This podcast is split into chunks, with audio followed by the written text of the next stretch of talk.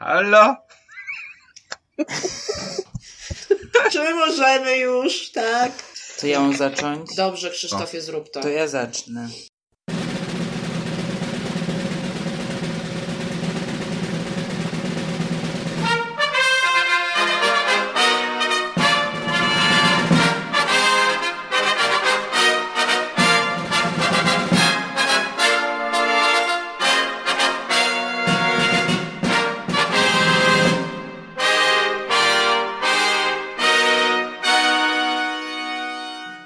Cześć, witajcie w prawdopodobnie waszym nowym ulubionym podcaście, który nazywa się Tęczówka. Tworzą go trzy osoby, cztery właściwie, bo jedna jest z nami duchem obecnie, ale czasami będzie do nas dołączać. W każdym razie jest to Ania z piekielnej strony popkultury. Cześć! Z Wrocławia łączy się z nami Maciej. Ja się nazywam Maciej i ja będę moderatorem tej dyskusji. A ja jestem Krzysiek z Przemyśleń Maniaka. No i czasami będzie do nas dołączał Marcin, tak zwany Szpaku. Tak, Marcin zwany Szpakiem, który jest niepisanym specjalistą od Netflixa i HBO. Więc generalnie, jeżeli chodzi o tematykę poruszaną na podcaście, to jeśli pojawią się streamingi, a mam nadzieję, że się będą pojawiać, to Marcin jest głosem w tej dyskusji też. Dobrze, a ogólnie będziemy mówić o szeroko rozumianej popkulturze. Głównie będą to filmy, czasem może jakieś seriale. Ale skupiamy się przede wszystkim na filmach. Dzisiaj będziemy rozmawiać o nowym filmie e, Marvel Studios, czyli Kapitan Marvel. Bawiłam się jak dziecko na tym filmie. Kapitan Marvel, przedostatni odcinek trzeciej fazy Marvel Cinematic Universe i film, który ma zmienić oblicze Marvela, gdyż pierwszy raz w historii tej stajni komiksowo-filmowej mamy do czynienia z główną bohaterką, a nie głównym bohaterem. Ta bohaterka się nazywa Carol Danvers i grają zdobywczynię Oscara za pokój Brie Larson i nie ma chyba sensu za bardzo się wdawać w szczegóły tej historii.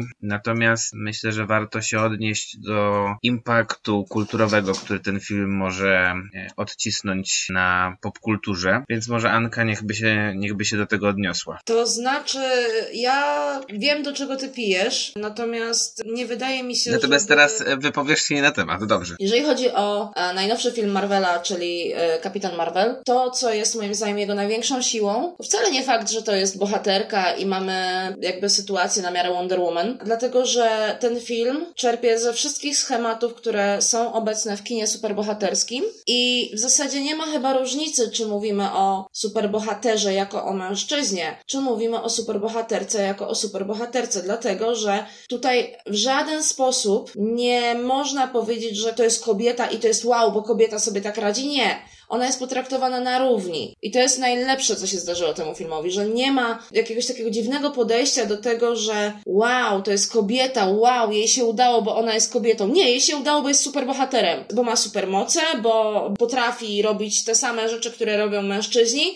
I to, że jest kobietą, właściwie nie zmienia niczego w tym filmie superbohaterskim, poza tym, że jakby no mamy superbohaterkę, która w żaden sposób nie odstaje, czy też nie jest lepsza, nie jest gorsza od superbohaterów. Myślę, że to jest właśnie najlepsze, że to pokazuje, że e, nie ma znaczenia z jaką płcią superbohatera mamy do, do czynienia. Jakby tutaj obie te płcie są na równi i to jest super. Ja absolutnie to szanuję. Czy o to ci chodziło, Maćku? Generalnie mi o to chodziło, tylko się absolutnie nie zgadzam z tezami, które wygłosiłaś. No Ale Boże, to będziemy się kłócić. Odniosę się do tego może potem, jak Krzysztof e, odniesie się do tego, co powiedziałaś ty. Znaczy, ja trochę wiem, co chcesz powiedzieć, w sensie, że rzeczywiście fajnie jest to pokazane, że ta jej supermoc i, i to wszystko, co ona tam robi, jest troszeczkę jakby mimo płci. Natomiast jednak ważne jest moim zdaniem, że to jest pierwszy od 10 chyba już lat, czy 11 film e, ze stajni Marvela, w którym główną rolę gra superbohaterka kobieta i który jest zatytułowany też właśnie od niej. No i jednak w tym filmie są takie sceny, które pokazują tę siłę kobiecą. Jest Ja, ja się z tobą zgadzam, bo ta Mhm. sekwencja o wstawaniu to jest absolutna petarda. Niemniej jednak jakby y, ja absolutnie nie neguję tego, że to, co y, udaje się zrobić Kapitan Marvel w tym filmie jest ważne, bo naprawdę jest ważne. To, to przesłanie jest, jest jakie jest. Ono może być uznane za miałkie, a moim zdaniem jest super. Może dlatego, że po prostu jako kobieta, tak? Czy Mhm. też jako fanka MCU. Dla mnie to było super, że nie, pokazali, że nieważne kim jesteś, jeśli masz w sobie siłę, dasz radę. Mhm. Każdy ma w sobie siłę, wystarczy tylko umieć ją znaleźć. I nie można się poddawać, dlatego że jak wstajesz z kolan, to się otrzepiesz i idziesz dalej. I to przesłanie może jest, może jest trywialne, może jest bardzo przewidywalne, może jest bardzo oklepane. Natomiast rzeczywiście wykorzystanie postaci bohaterki do zrealizowania go tylko podkreśliło jego siłę. Tak myślę. To teraz Maciek się odniesie. I Maciek zaraz zaora całą naszą dyskusję. Ja nie uważam, że ten film korzysta w taki przedmiotowy sposób z tego, że jednak jest e, głównym bohaterem kobieta, tylko właśnie upodmiatawia ją bardzo mocno i e, nie tylko w kwestii samej kreacji postaci, ale też całego świata przedstawionego, no bo główne role w całej tej historii grają tak naprawdę same kobiety, wyłączając Samuela L. Jacksona. A Jude Law nie jest w ogóle żadną postacią dla mnie w tym filmie. To jest akurat jego Ale jedna z największych oczy. słabości. Ale ma piękne oczy. To jest bardzo, e, bardzo merytoryczny argument. Jaki miał być. No bo, no bo też e, poza e, tym, że głównymi postaciami są kobiety, muzyka jest tak dobrana tematycznie, żeby też była o jakimś takim women empowerment i generalnie cały wydźwięk tego filmu jest trochę taki, że lepiej by było jakby światem chyba rządziły jednak kobiety, bo one by przynajmniej potrafiły poustawiać to wszystko w taki, w taki sposób, jak e, powinno się to ustawić. Natomiast ja uważam, że ten film może on się nie wyróżnia za bardzo fabułą, e, nie wyróżnia się też za bardzo sposobem realizacji, bo on jest rzeczywiście chwilami nie jakiś wybitny. Natomiast on się wyróżnia tą główną bohaterką, która, jak teraz tak sobie przeglądałem tych bohaterów, szczególnie tych takich kluczowych bohaterów marvelowskich, o których się generalnie mówi w kontekście Avengersów i tak dalej, czyli tam Iron Man, e, Thor, Hulk. Część tych bohaterów, która też zginęła, nie zginęła w e, Infinity Doctor War. Strange. No tak sobie myślę, że kurde, no lepiej napisanego bohatera to w MCU chyba nie ma niż y, Carol Danvers, bo ona jest i ludzka i ma słabości takie, które można przypisać normalnemu człowiekowi. Z drugiej strony jest charyzmatyczna i chyba najsilniejsza z nich i jeszcze ona pewnie sama będzie musiała tego Thanosa pokonać w tym endgame, więc no ja nie jestem zachwycony filmem, jestem bardzo zadowolony z tego, jak została wykreowana bohaterka. Znaczy, prawda jest taka, że Brie Larson ma tonę charyzmy w tym filmie i ona jest jakaś. Ja się strasznie bałam tego, szczególnie po trailerach, bo one za, zasadniczo za dużo nie mówiły i były takie bardzo, powiedziałabym, typowy, typowy trailer MCU. I takiego też filmu się spodziewałam. Natomiast rzeczywiście zgodzę się z Tobą, że abstrahując od y, mojej tezy, którą powiedziałam na samym początku, nie mogę przejść obojętnie wobec tego, jak ta postać, jaką ta postać ma charyzmę, że ona jest jakaś.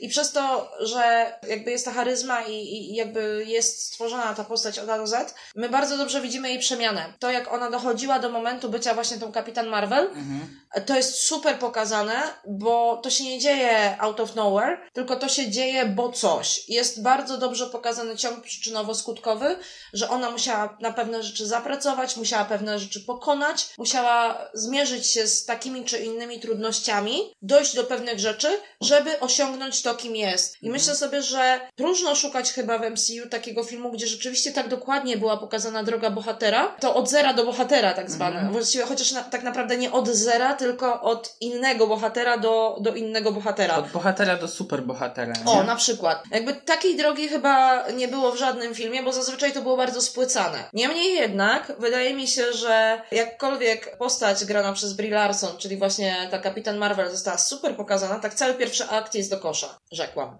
To ja jeszcze dodam e, właśnie o Lar- Larson, tak nie mogę się wypowiedzieć.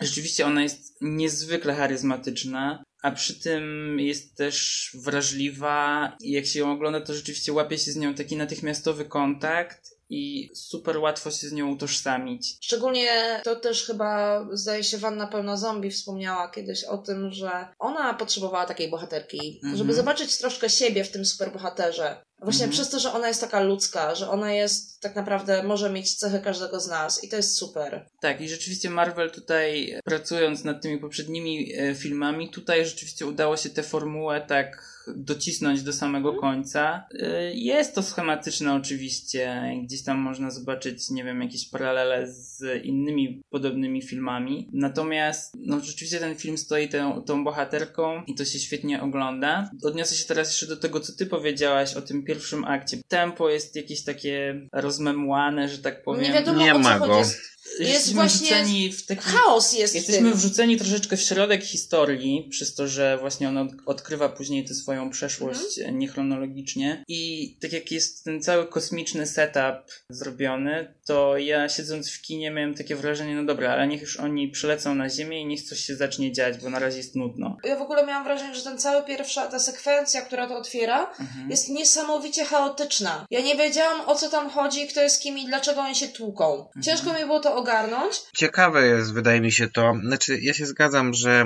ten pierwszy akt jest słaby i otwarcie generalnie tego filmu jest nieciekawe. Natomiast z drugiej strony próba nakreślenia bohatera w sposób taki nielinearny to jest Mhm. coś, czego w Marvelu też nie było. To do końca się nie udało, ale jest to jakaś już próba, przynajmniej, żeby te filmy reżyserować w ogóle. Szczególnie te origin stories.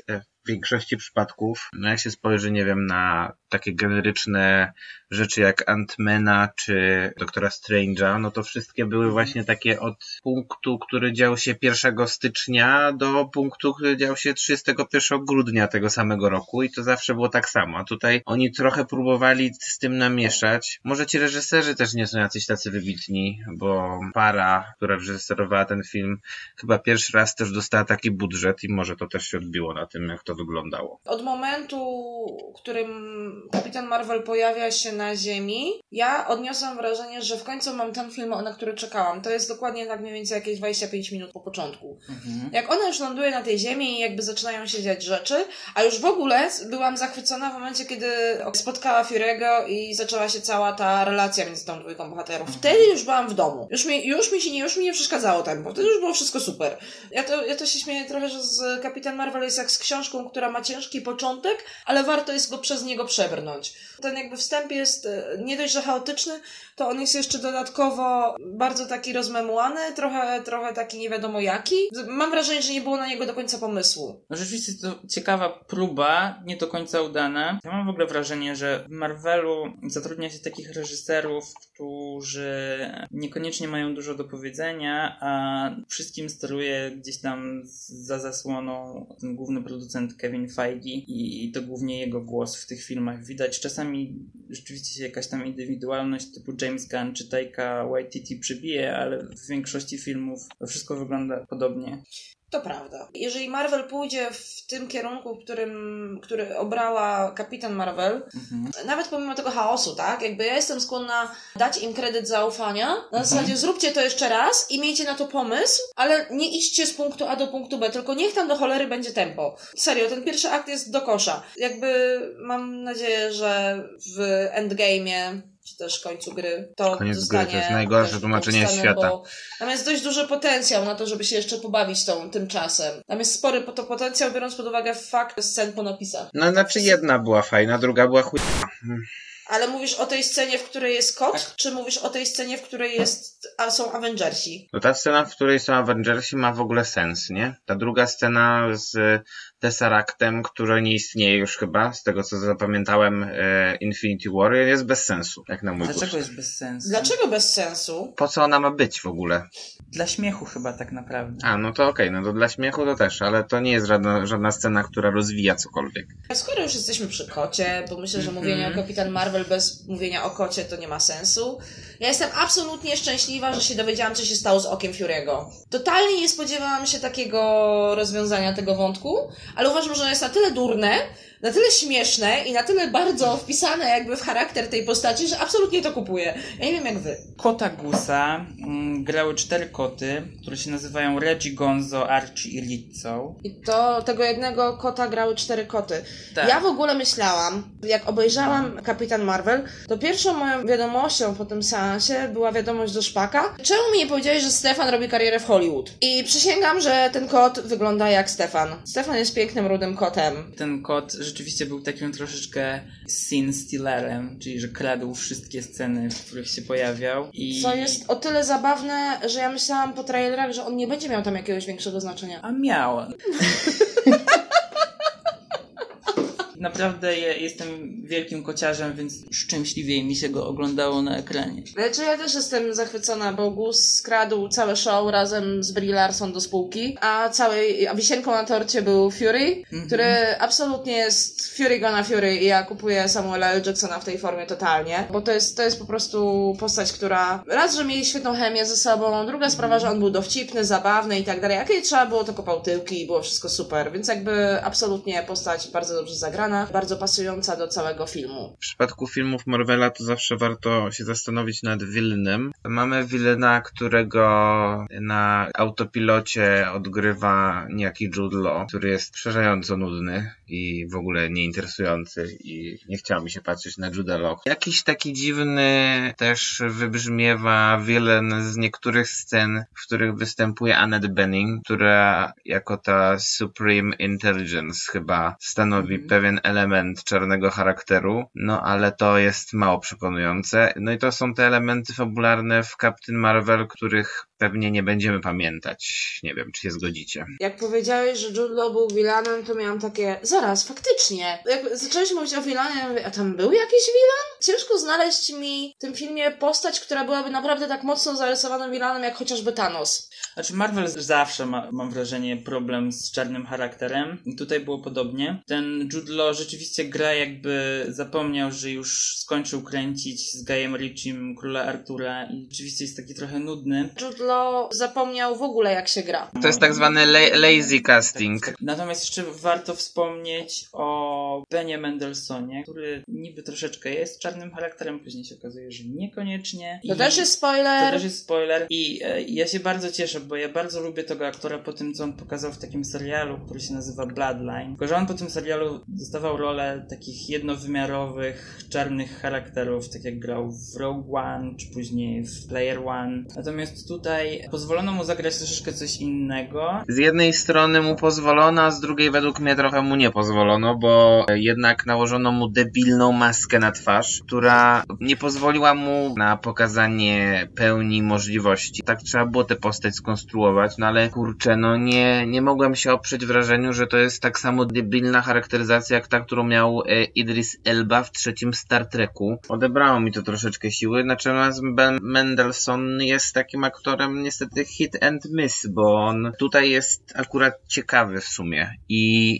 jak na taką charakteryzację to daje radę. Miałem nieprzyjemność obejrzenia filmu, który się nazywa Robin Hood Początek, w którym Ben Mendelssohn gra szeryfa z Nottingham i no głupszej chyba roli to on nigdy nie zagrał. Nie widziałam Robin Hooda. W każdym razie, e, wracając do kwestii pana Mendelssohna, ja uważam, że w ogóle ten wątek jego postaci jest niesamowicie ciekawy. W sensie, on jest też pewną nowością w MCU. Na zasadzie, nigdy wcześniej chyba nie było takiej sytuacji, w której mielibyśmy taki twist, bo to był dość dobrze zahintowany twist. Znaczy, dobrze, niedobrze. W sensie, był przewidywalny.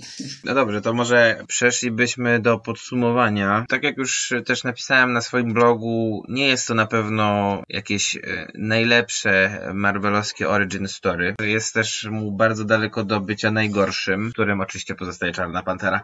Natomiast no dzięki tej Brie Larson rzeczywiście ten film w jakichś tam przynajmniej dużych fragmentach błyszczy i dzięki temu ten film warto obejrzeć. Głównie dzięki niej. To ja bym chciała jeszcze dodać do tego, co powiedziałeś. Popularnie jest lepiej bądź gorzej, natomiast nie zgadzam się, że Czarna Pantera jest najgorszym filmem. I jakby chciałabym jeszcze zwrócić uwagę na jedną rzecz. To, co zostało świetnie zrobione w tym filmie, to kwestia związana z piosenkami, które tam się pojawiają, bo ja miałam takie wrażenie, że to jest y, takie bazowanie na nostalgii, bo tam się pojawiają i piosenki Nirwany, i w ogóle scena z piosenką I'm Just a Girl to jest po prostu petarda moim zdaniem. Moja mała sentymentalna gimbusiara się tam gdzieś odezwała. Kierunek, który Marvel obrał robiąc Kapitan Marvel, mimo tego średnio udanego początku tej, tego pierwszego aktu, jest czymś ciekawym i mam nadzieję, że będą to kontynuować, bo jest tutaj duży potencjał, ma szansę to być oryginalne, ciekawe, inne i może dostaniemy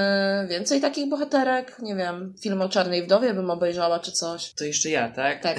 Ja się zgodzę tutaj z moimi przedmówcami, że to nie jest może jakiś super oryginalny i jakiś w ogóle najlepszy film z tej stajni. Natomiast rzeczywiście jest to film fajny, miło się go ogląda, mimo tam jakichś problemów na początku i na końcu. Głównie dzięki właśnie Brie Larson, kotkom też. Kotki są super. Kotki są super. No i mam nadzieję, tak jak powiedziałaś, że to będzie taki przyczynek, podobnie jak Wonder Woman, że tych filmów o superbohaterkach zrobi się więcej, bo historie kobiet są równie ciekawe jak historie mężczyzn i to Kapitan Marvel udowadnia. Nie powiedziałaś nic o Czarnej Panterze. E, Czarna Pantera e, rządzi, dziękuję. Słuchajcie, dziękujemy Wam bardzo za odsłuchanie naszego odcinka. Mamy nadzieję, że będziecie z nami dłużej i będziecie słuchać kolejnych odcinków również, a żegnają się z Wami Anka z piekielnej strony popkultury. Znajdziecie mnie w internetach. Maciek z Watching Closely. I, I żegna się z wami y, Krzysiek z Przemyśleń Maniaka z Torunia. Tak. I też mnie znajdziecie w internetach. Pa. To pa!